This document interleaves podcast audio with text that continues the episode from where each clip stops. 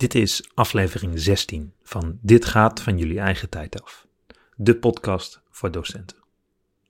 Dit is een wat ongewone aflevering, maar het zijn dan ook ongewone tijden.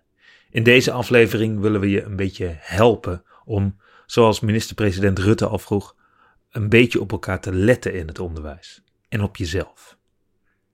Mijn naam is Johan Reitsma. Ik en mijn collega's van Academy for Learning zijn trots op je. Laat dat alvast gezegd zijn. We gaan beginnen. Als de podcast klaar is, mag je iets voor jezelf gaan doen.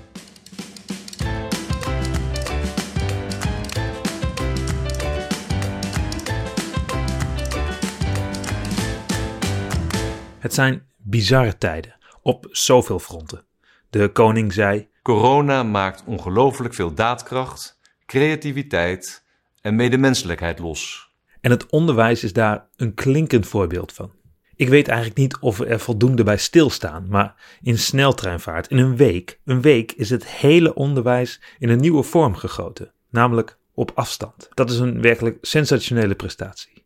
En dat in een sector die niet bepaald uh, het imago heeft heel flexibel en veerkrachtig te zijn. Over daadkracht gesproken. En als we het dan hebben over medemenselijkheid. In mijn hele leven zag ik nog nooit zo'n ongekende hulpbereidheid en hulpwelwillendheid als nu. Mijn collega Michelle heeft sinds deze week een andere baan. Maar in plaats van vanuit huis een beetje af te ronden en over te dragen, legde ze alles neer en zette ze zich maximaal in om ons te helpen toen we een heleboel webinars organiseerden om docenten te helpen met lesgeven op afstand. En in dezelfde categorie zegt een goede vriend van me een paar weken geleden zijn baan in het onderwijs op om iets anders te gaan doen. Maar hij heeft zich weer gemeld bij zijn school. Als ik kan helpen? De rits voorbeelden is eindeloos. In het onderwijs, maar natuurlijk ook daarbuiten. De goede buur en de verre vriend bieden hulp aan. Dus kom niet meer bij mij aankloppen als je wil mopperen over hoe individualistisch de wereld geworden is. Want dat is hij niet. En al zien we op het nieuws mensen die de maatregelen niet bepaald omarmen, de meeste mensen doen dat wel, echt. De groep mensen die de maatregelen opvolgt om verdere verspreiding tegen te gaan, is zo, zo, zoveel groter dan die mensen die we op het nieuws zien. Die mensen zijn er en het is goed dat we ze aanspreken, maar weet, het is een gigantische minderheid. Voor mij bewijst het eens te meer dat als je de wereld alleen via het nieuws volgt, je precies weet hoe de wereld niet werkt. Want je ziet alleen de uitzondering. Dat is, nou ja, dat is nou helemaal wat nieuws doet. Als je iets meer uitzoomt, zie je ineens heel helder wat deze crisis echt duidelijk maakt. Namelijk waar we als mensheid toe in staat zijn. Dat crisis het beste in mensen bovenhaalt.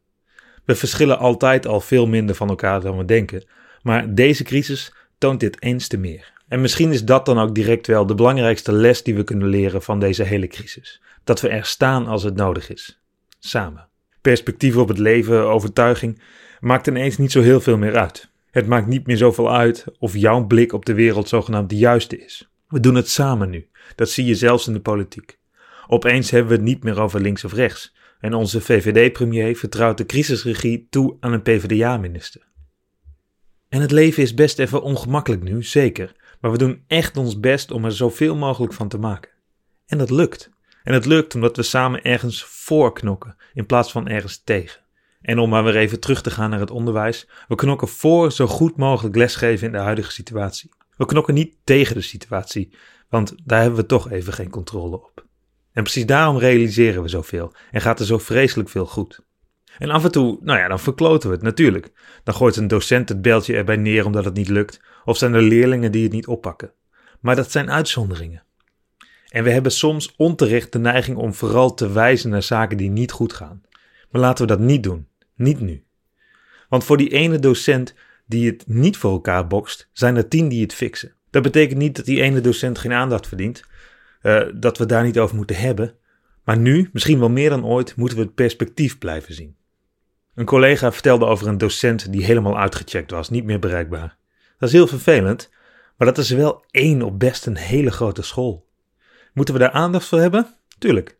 Maar moeten we dit in perspectief blijven zien? Jazeker. Want dat perspectief dat inspireert. En het helpt ons knokken voor het realiseren van zoveel mogelijk mogelijkheden in deze situatie. En niet knokken tegen de situatie. We horen zoveel over gehamster dat je bijna zou denken dat het ieder voor zich is op dit moment. Maar ieder voor zich is geen sinds het geval. Want wat er echt gebeurt, is dat buren aanbieden elkaars kinderen op te vangen, dat er hulp geboden wordt aan ouderen, dat er op alle vlakken hulp wordt geboden. En ik zei het al eerder, er is een ongekende hulpbereidheid. Je zou kunnen stellen dat nu we niet samen mogen zijn, we juist heel erg samen zijn. En daarom roem ik ook steeds alle docenten. Om het maar weer even terug te brengen in het onderwijs. Mijn lof is dan misschien een beetje generaliserend, misschien wel, maar is dat erg? Lijkt me niet. Ik durf nu best iedereen over één kam te scheren. Juist omdat het zo om en in gezamenlijkheid gaat. En dat is ook de les die we leerlingen echt kunnen bieden. Wat we ze echt kunnen leren op afstand. Naast de werking van vulkanen en de stelling van Pythagoras is de echte les het voorbeeld dat docenten ze geven. En misschien realiseren ze zich dit nog niet. Misschien pas over vijf jaar. En die les is hoe docenten hun rug hebben gerecht in tijden van crisis. En dat rugrechten valt niet mee en dat gaat mis, maar we krabbelen op en we doen het opnieuw. En daarmee zijn we een voorbeeld. Misschien niet voor morgen, maar voor de langere termijn. En over die langere termijn moeten we dan ook gaan hebben. Want hoe gaan we ervoor zorgen dat we deze sneltreintransitie en alles wat we hebben geleerd een goed gevolg gaan geven? Het zou zo jammer zijn dat als we straks terug in het schoolgebouw weer, nou ja, terugzakken. Ik kom daar zo nog even op terug. Maar het is natuurlijk wel de beste sneer die we kunnen geven aan corona. Dat we er met ons allen enorm van zijn gegroeid. Rutte zei: let een beetje op elkaar. En de speech van de koning was ook doorspekt met termen uit diezelfde categorie. Maar hoe doe je dat eigenlijk? Hoe, hoe pas je op je collega's als iedereen in zijn eigen huis zit? Plan momenten om contact te hebben met collega's. Misschien om de dag, misschien zelfs iedere dag. Maar zet de contactmomenten in je agenda. En dan bedoel ik geen sessies om het te hebben over werk, want die gesprekken gaan wel aardig door. Maar maak even contact om echt contact te hebben. Bel of videobel een collega. En vraag heel gericht hoe het met hem of haar gaat. Doe dit en spreek met jezelf af om dit niet vrijblijvend te doen. Plan hier een half uur voor of een kwartier, wat je wil. Het is geweldig dat het deze eerste twee weken zo vreselijk goed gaat. Maar als de adrenaline een beetje is gezakt, als we dit willen volhouden, want het kan nog best even duren, en we willen overeind blijven, moeten we een beetje op elkaar letten. En echt contact maken is online zoveel moeilijker dan in dezelfde ruimte. Nu je elkaar niet tegenkomt bij het koffieapparaat, is het zoveel lastiger om elkaar te zien. Je ziet elkaars lichaamstaal niet, je kan elkaar niet aanraken, geen hand op een schouder leggen. En in geschreven tekst vind je geen, of nou ja, niet de toonnuances die, die je normaal in een gesprek wel hoort. Dus als je echt contact wil, vraag rechtstreeks. Vraag rechtstreeks hoe het met iemand gaat. Dat is de manier om echte connecties te maken. En wees eerlijk. Uh, dit is het moment om te oefenen met empathie. Niemand beleeft dit gelijk. En misschien mag je er voor jezelf wel van uitgaan dat iedereen het moeilijker heeft dan hij in eerste instantie misschien zegt. Stel vragen, ook aan mensen met wie je normaal misschien wat minder contact hebt. Kijk naar elkaar om, bel, heb contact, echt contact. En doe dan geen andere dingen tussendoor. Luister naar je collega en luister om te begrijpen. We hebben elkaar nodig. Altijd al, maar nu misschien nog ietsjes meer. En let ook op leerlingen. Neem even de tijd om leerlingen te bevragen over hoe het met hen gaat. En om de koning nog maar eens aan te halen. Ik snap heel goed hoe jullie je voelen. Eerst is het misschien spannend om vrij te zijn, maar dat gaat snel over. Niet naar school kunnen, niet naar voetbal of balletles. Verjaardagsfeestjes die niet doorgaan. Dat is best moeilijk. En jullie, docenten, weten waarschijnlijk precies voor wie deze situatie zelfs nog ietsje moeilijker is. Probeer voor deze leerlingen even wat één op één tijd vrij te maken. Bel ze op, FaceTime met ze, zoiets, maar maak contact. Het is voor leerlingen ook echt pittig. Ineens zitten ze in hun eigen gezin schooltje te spelen, terwijl het natuurlijk eigenlijk ook de bedoeling is dat ze op school vooral ook leren van hun vrienden. Het is verwarrend hoor.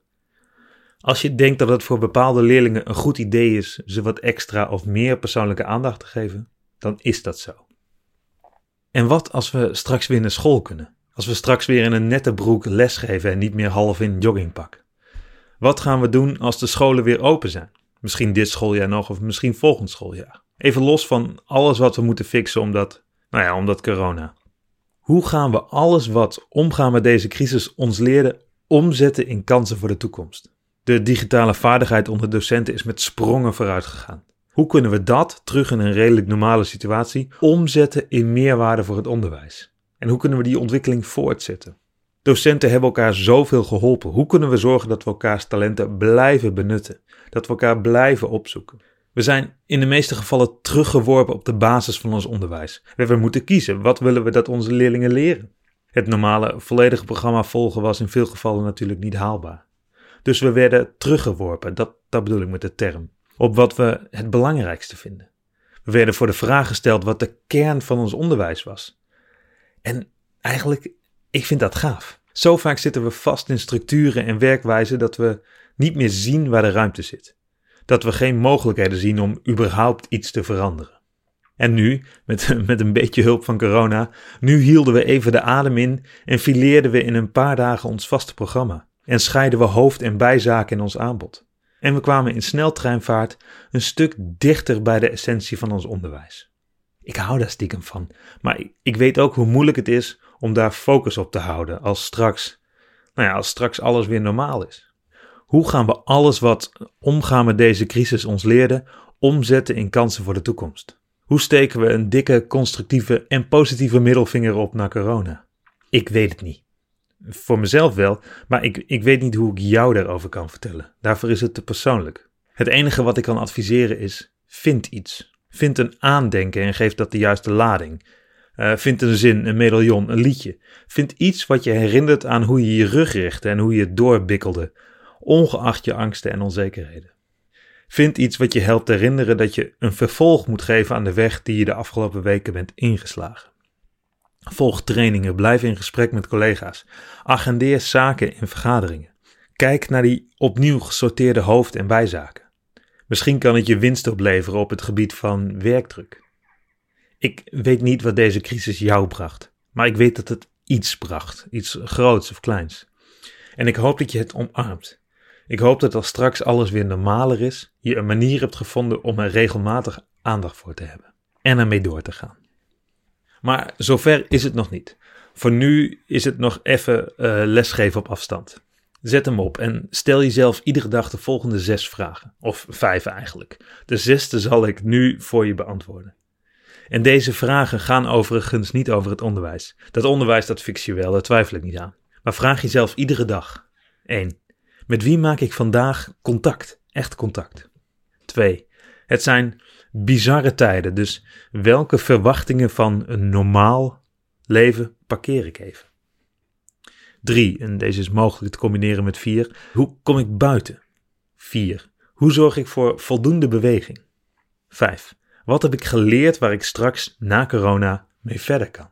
En 6. Waar ben ik dankbaar voor? En voor nu zal ik deze vraag beantwoorden.